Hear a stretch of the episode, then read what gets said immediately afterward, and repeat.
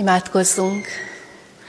Istennek szent lelke, szállj le mi közénk, szenteld meg szívünket és figyelmünket. Amen. Kegyelem legyen nekünk, és békesség Istentől, ami mennyei atyánktól, akitől jön minden jó adomány és tökéletes ajándék az életünkbe. Amen. Nagy szeretettel köszöntöm a gyülekezetet. Kezdjük meg Isten dicséretét a 232. énekünk éneklésével. A 232-es dicséretünk első versét fennállva, a fönnmaradó verseit pedig a helyünket elfoglalva énekeljük. Így kezdődik, hiszek a mennybéli egy Istenben, mindenható és kegyelmes atyában.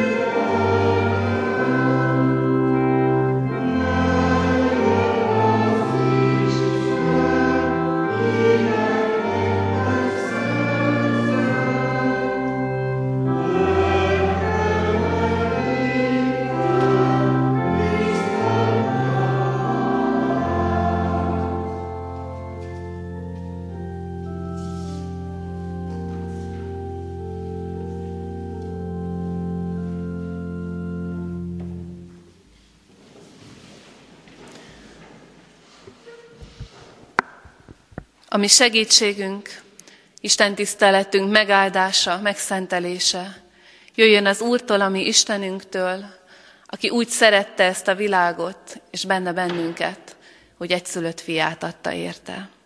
Amen. Isten igéjét a 130. Zsoltárból hallgassuk meg. A 130. Zsoltár valamennyi versét olvasom. Zarándok ének. A mélységből kiáltok hozzád, Uram. Uram, halld meg szavamat, füled legyen figyelmes, könyörgő szavamra. Ha a bűnöket számon tartod, Uram, Uram, kimarad meg akkor.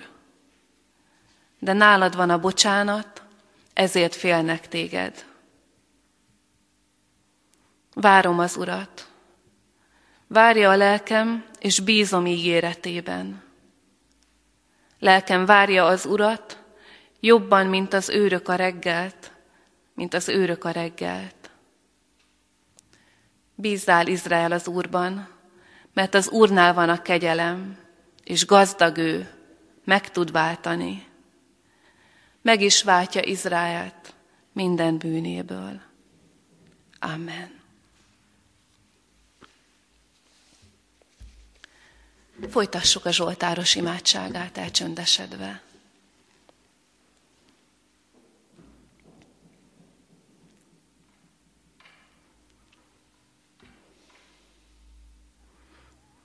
Urunk, köszönjük a kegyelmi időt, amit adtál. Adtál, hogy itt éljük a Földön, és köszönjük a külön kegyelmi időket, amikor találkozást készítesz magaddal nekünk.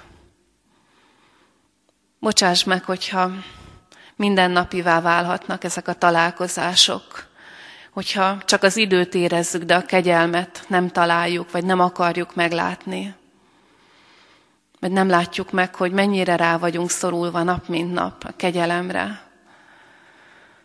Kérünk, hogy tedd újra nagyon édessé, nagyon bátorítóvá, nagyon erőssé számunkra ezt a szót, hogy kegyelem.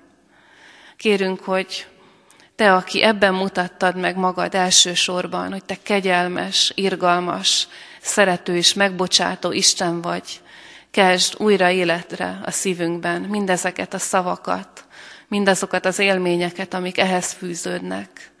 És kérünk, hogy kezd életre a szívünkben az imádságot, hogy egyre tisztább, egyre igazabb, egyre téged dicsőítőbb legyen.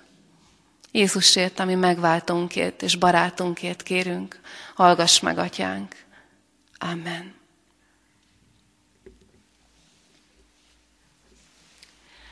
az ige hirdetésre készülve énekeljünk, és a gyerekek is elindulhatnak a gyülekezeti terembe, hogy a saját maguk korosztálya szerint tiszteljék Istent. A 130. Zsoltár első két versét énekeljük. A 130. Zsoltár első két versét így kezdődik.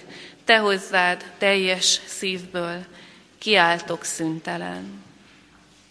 thank you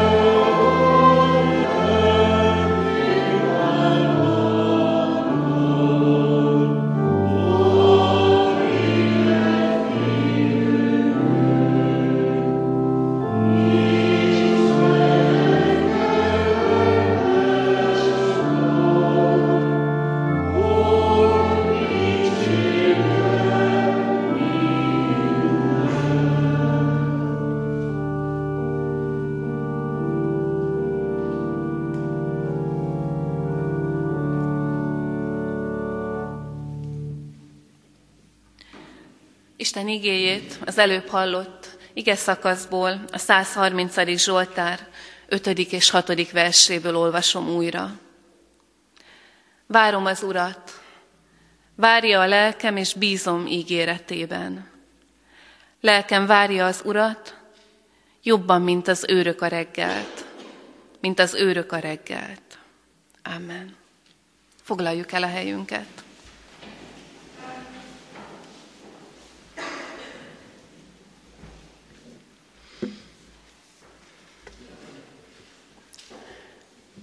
Ez a Zsoltár is olyan, mint a legtöbb ige az a Szentírásban. Olvassuk vagy hallgatjuk, és van, hogy úgy érezzük, hogy döbbenetesen beletalál az életünkbe. Hogy olyan megdöbbentő szókimondással beszél az életünk állapotáról, ahogy mi talán nem mernénk még az Isten előtt se. És mégis úgy érezzük, hogy ez a szavak belőlünk szólnak. És van, hogy olvassuk, hallgatjuk ezeket a mondatokat, a mélységből kiáltok hozzád, Uram, Uram, halld meg a szavamat, füled legyen figyelmes, könyörgő szavamra. És úgy érezzük, hogy ehhez most nekünk vajmi kevés közünk van. Hogy most, hála Istennek, nem mélységeket járunk az életben, hanem magasságokat. Vagy ha nem is magasságokat, de az életünk folyik a maga rendes, jó medrében. És ha ilyenkor kerül elénk egy Zsoltár, ami arról beszél, hogy a mélységből kiáltok hozzád, Uram, akkor hajlamosak vagyunk tovább lapozni azzal, hogy, hogy ehhez a Zsoltárhoz, ehhez az imádsághoz hangulat kell. Különben sem lenne hiteles tőlem most, ha ezeket a mondatokat mondanám, vagy olvasnám, vagy imádkoznám. És keresünk olyat, ami jobban passzol a gondolatainkhoz, hangulatunkhoz. A kérdés az, hogy, az, hogy kezdhetünk-e vele valamit, amikor ilyen Zsoltár kerül, kerül elénk, vagy hátat fordíthatunk neki azzal az álmagyarázkodással, hogy ez nem hiteles most az én számból. Mit teszünk, hogyha ez kerül elénk a napi igeolvasás kapcsán, vagy ezen a vasárnapon, és úgy érezzük, hogy nem vagyunk mélységben. És azt hiszem, hogy jó tudni azt a választ, hogy be lehet járni ezt az utat, akkor is, ha nem a mélységben ülve szólal meg ez a Zsoltár. Mert hogy a bűnbánat az nem feltétlen, és nem elsősorban hangulat és érzés. Van, hogy az is. Van, hogy valóban a földre nyomnak bennünket az elrontott dolgaink, vagy egyszerűen csak egy olyan találkozás önmagunkkal, ami megint összetiporja bennünk azt az illúziót, hogy jók vagyunk. Van, akkor úgy érezzük, hogy a mélységben ülünk. De egy hétköznapi vasárnap, értsük jól, a 130. Zsoltár ugyanígy lehetőséget ad egy csendes magunkba szállásra.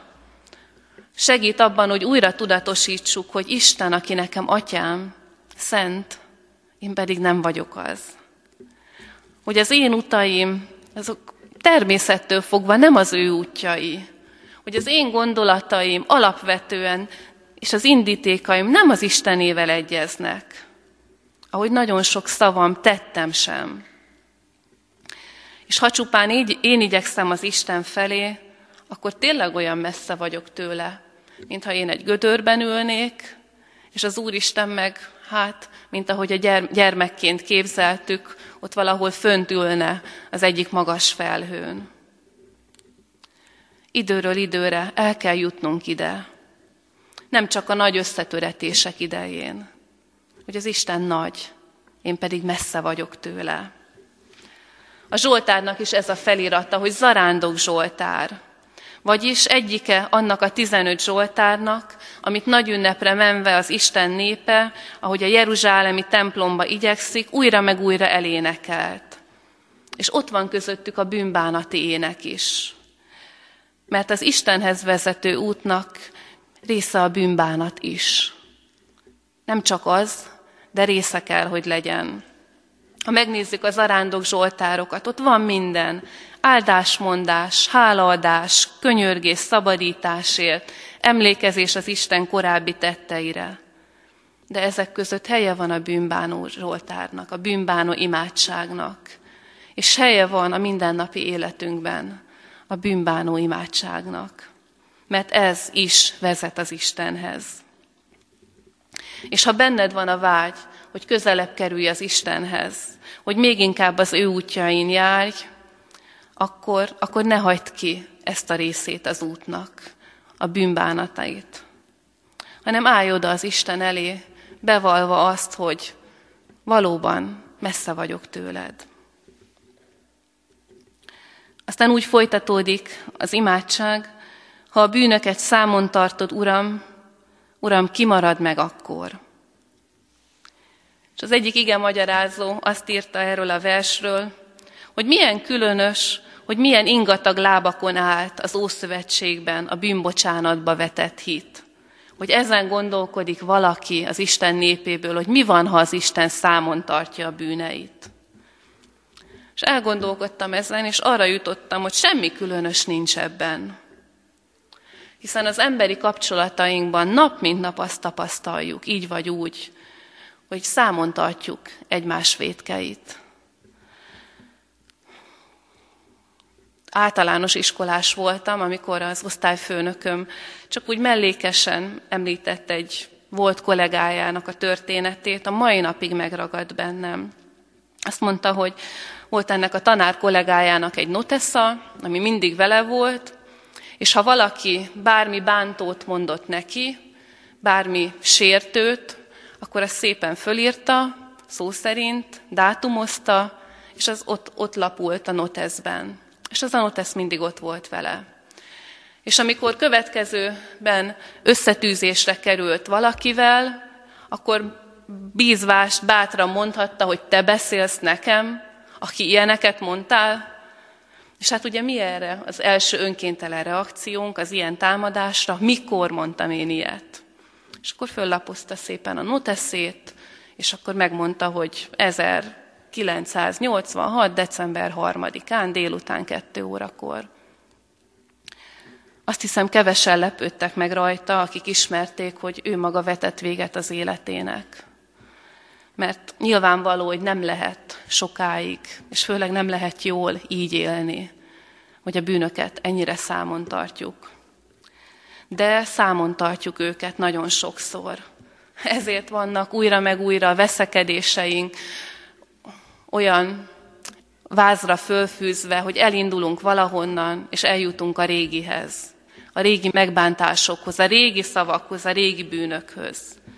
Csoda-e, hogyha ezek után megfordul a fejünkben, hogy Istenem, te tényleg nem tartod számon a bűneimet?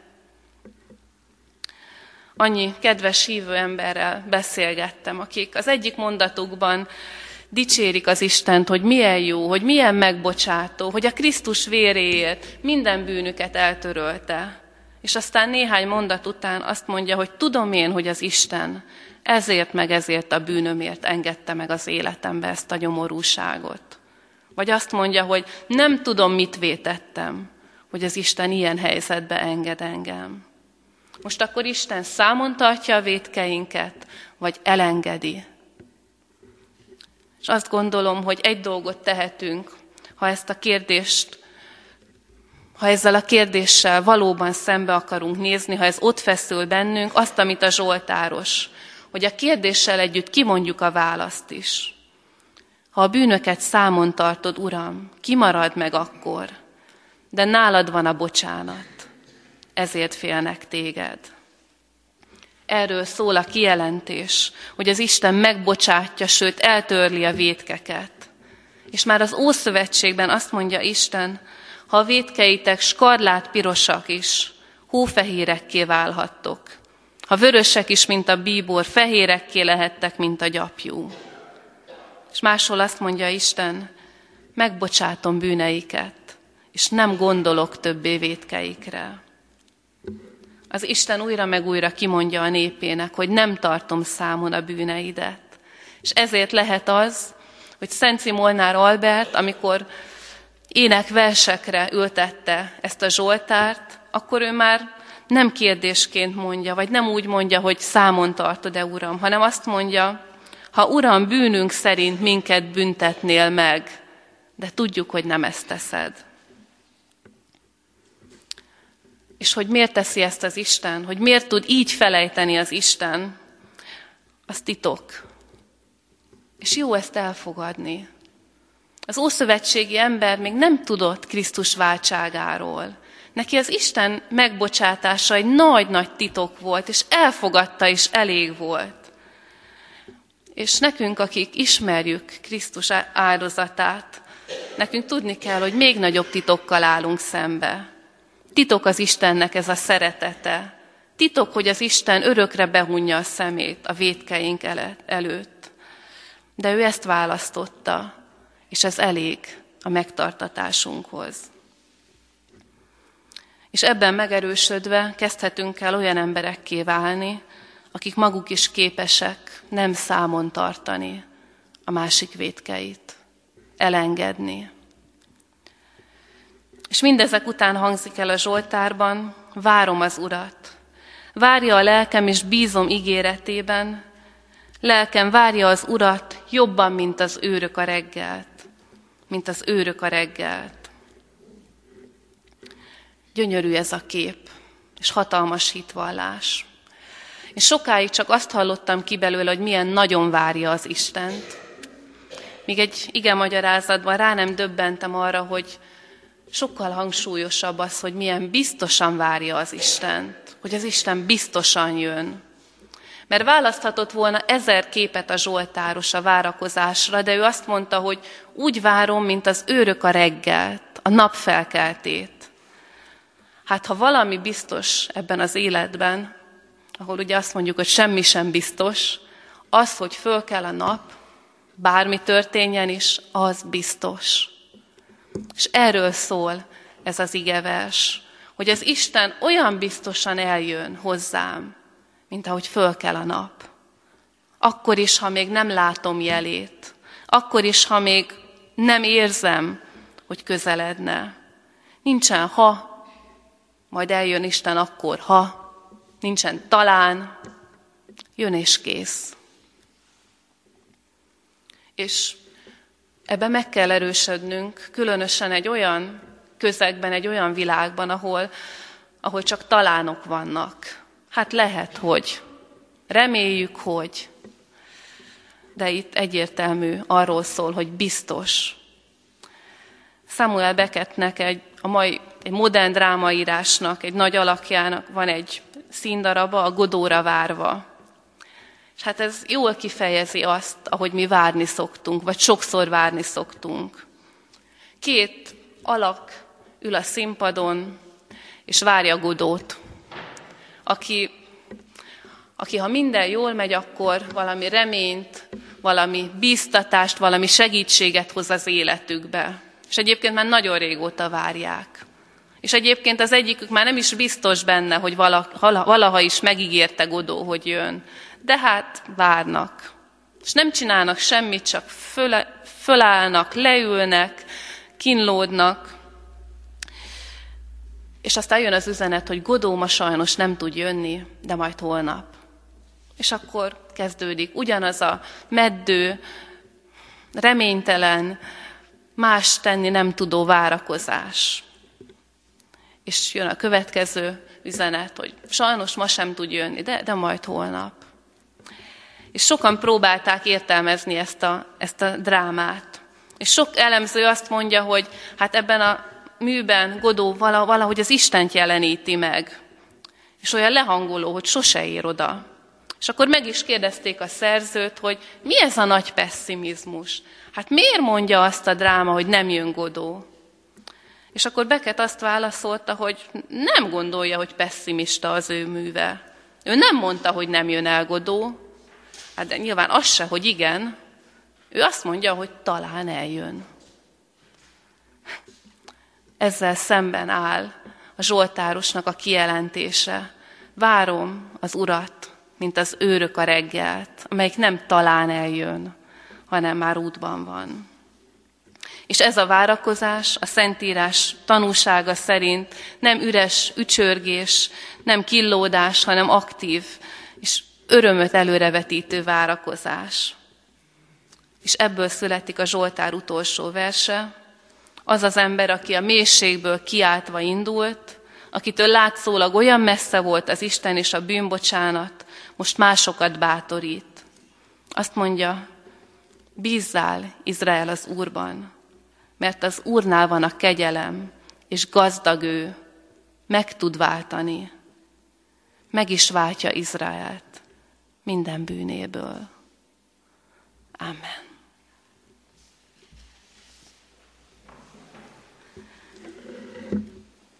Válaszul Isten üzenetére, és folytatva a 130. Zsoltár imádságát, a 130. Zsoltár harmadik, negyedik verseit énekeljük, így kezdődik, én nékem reménységem, vagyon csak Istenben.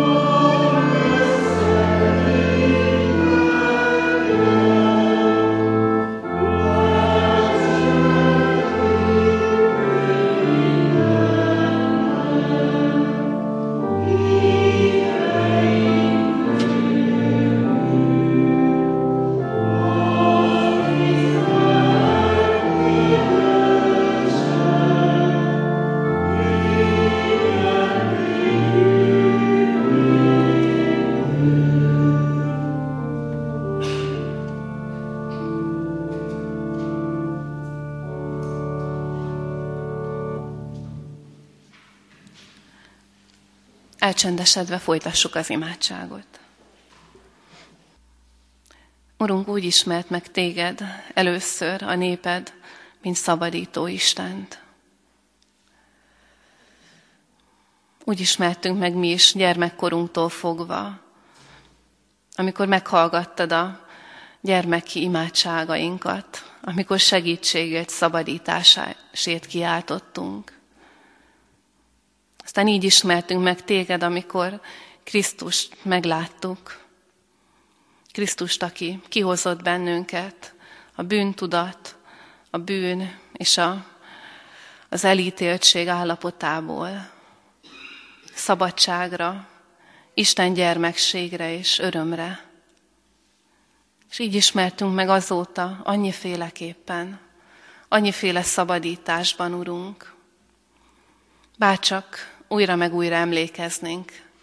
Bár csak újra meg újra visszaemlékeznénk, hogy honnan emeltél föl bennünket.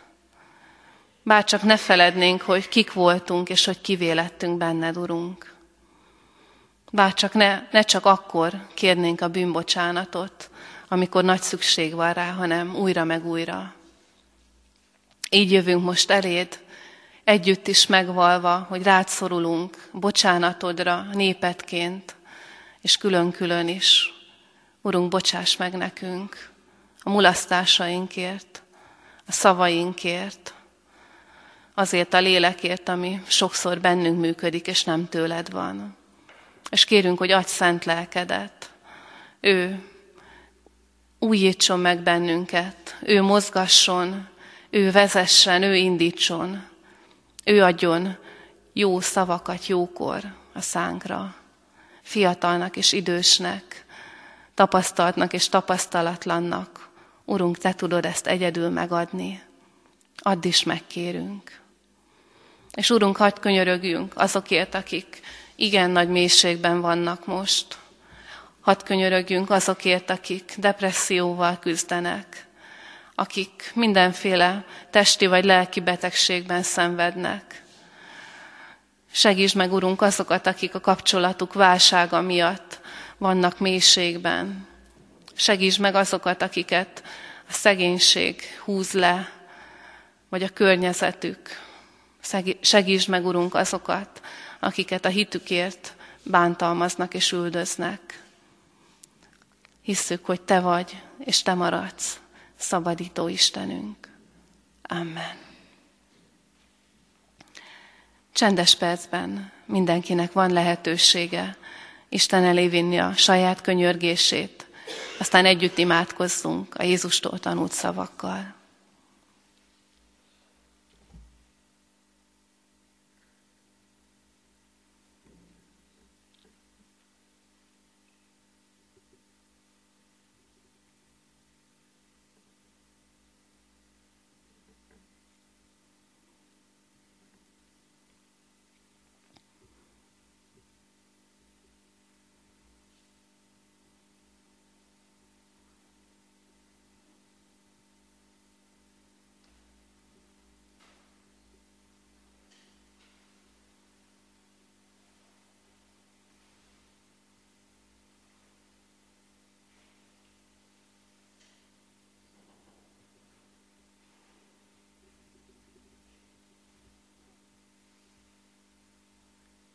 Köszönjük, Urunk, hogy Te meghallgatod a csöndben elmondott imádságokat is.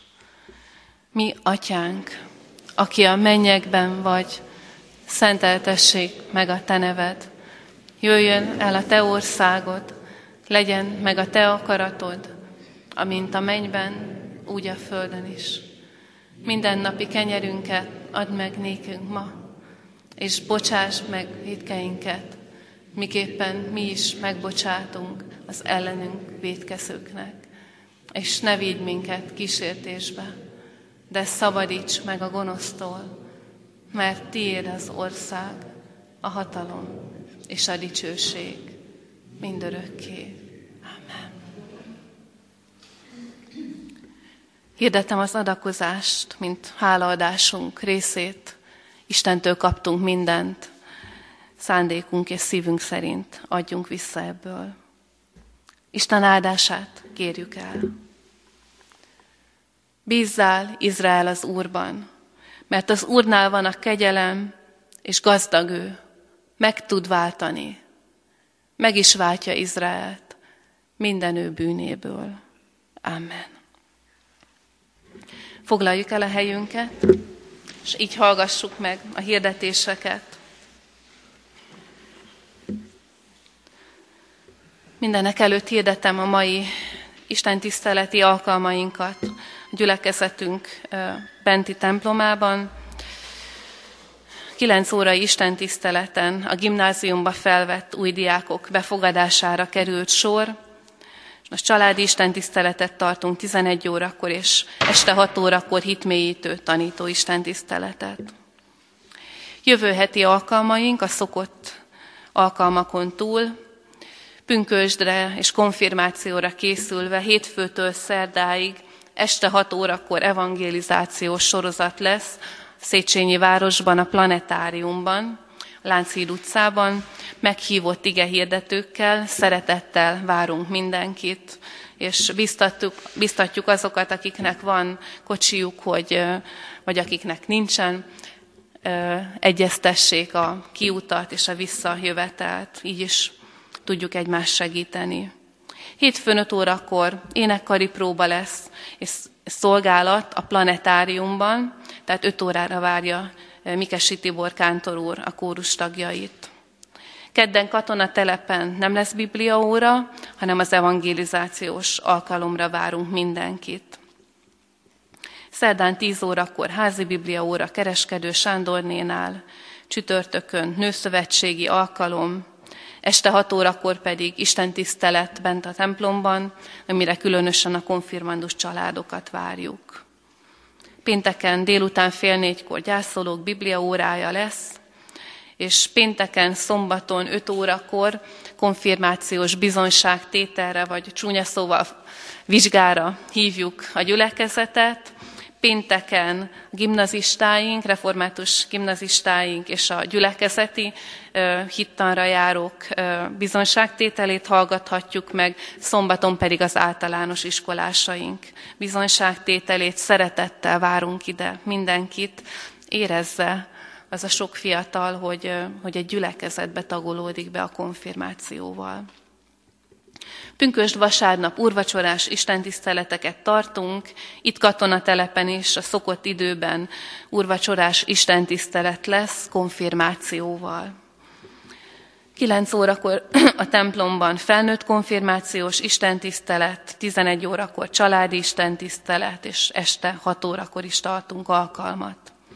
Pünköst hétfőn katonatelepen nem lesz istentisztelet, 9 órakor konfirmációs istentisztelet lesz bent a templomban, és mivel ez egy hosszú alkalom szokott lenni, 11 óra 30-kor kezdjük a családi istentiszteletet, este 6 órakor pedig a szokott rendben a pünköst utolsó istentiszteletét.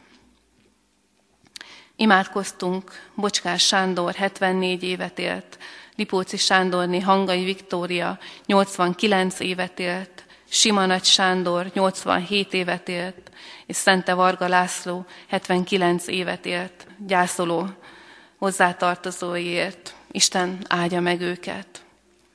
És a halottainkat hirdetem, Szabó Gergely Sándor 66 évet élt testvérünk temetése május 22-én csütörtökön lesz, 3.4.12-kor a köztemetőben. Véglászlóné Varga Lenke Katalin, 81 évet élt testvérünk temetése május 13-án, pénteken, 11 órakor a református temetőben. Dr. Bibó Zoltán, 93 évet élt testvérünk temetése, szintén pénteken, 13 órakor lesz a köztemetőben. Házasulandó jegyespáraink is vannak, Lőrinc Balázs jegyezte Fodor Éva Juditot, Lang Bertold, Faragó Andreát, Szabó Pál, Bordás Beáta Margitot, Szabó Rihád, Ecsedi Máriát. Isten áldja meg a házasságokat. Adományok érkeztek az elmúlt héten is, összesen 170.860 forint. A hirdető lapokon tételesen is megtaláljuk, hogy mire mennyi ö, adomány érkezett. És még néhány dolgot hadd emeljek ki. Gárdonyi életműkoncert sorozatunk következő alkalma pünköst hétfőn lesz, délután 16 órakor Gárdonyi Dániel közreműködésével. Egyébként ő fog már a konfirmációs istentiszteleten is kántori szolgálattal élni. Szeretettel várunk ide mindenkit. A bácskiskunsági gyülekezetek énekkarait is várjuk erre a délutáni alkalomra. Aztán keresünk olyan himezni és géppel varni tudó asszonyokat, lányokat, akik szívesen részt vennének a gyülekezeti keresztelőkendők elkészítésében. Kuti Józsefné Filip Katánál lehet jelentkezni. És valószínűleg sokszor hallották már, úgyhogy csak megemlítem a több generációs táborunkat, amire most már bőven lehet jelentkezni. Szeretettel várunk ide mindenkit. És külön, egy végére egy külön katonatelepi hirdetés, június 5-én vasárnap gyülekezeti nap lesz katonatelepen, a következő napokban, hetekben a részletes program is kifüggesztésre és kihirdetésre kerül. Mindezeket megtaláljuk a gyülekezeti hirdetőlapokon, amelyek a kiáratnál elvihetők. Zárjuk az Isten tiszteletünket a 451. dicséretünk mind a négy versével. 451-es dicséretünk így kezdődik, száma nincsen, Uram, jó téteményednek. thank you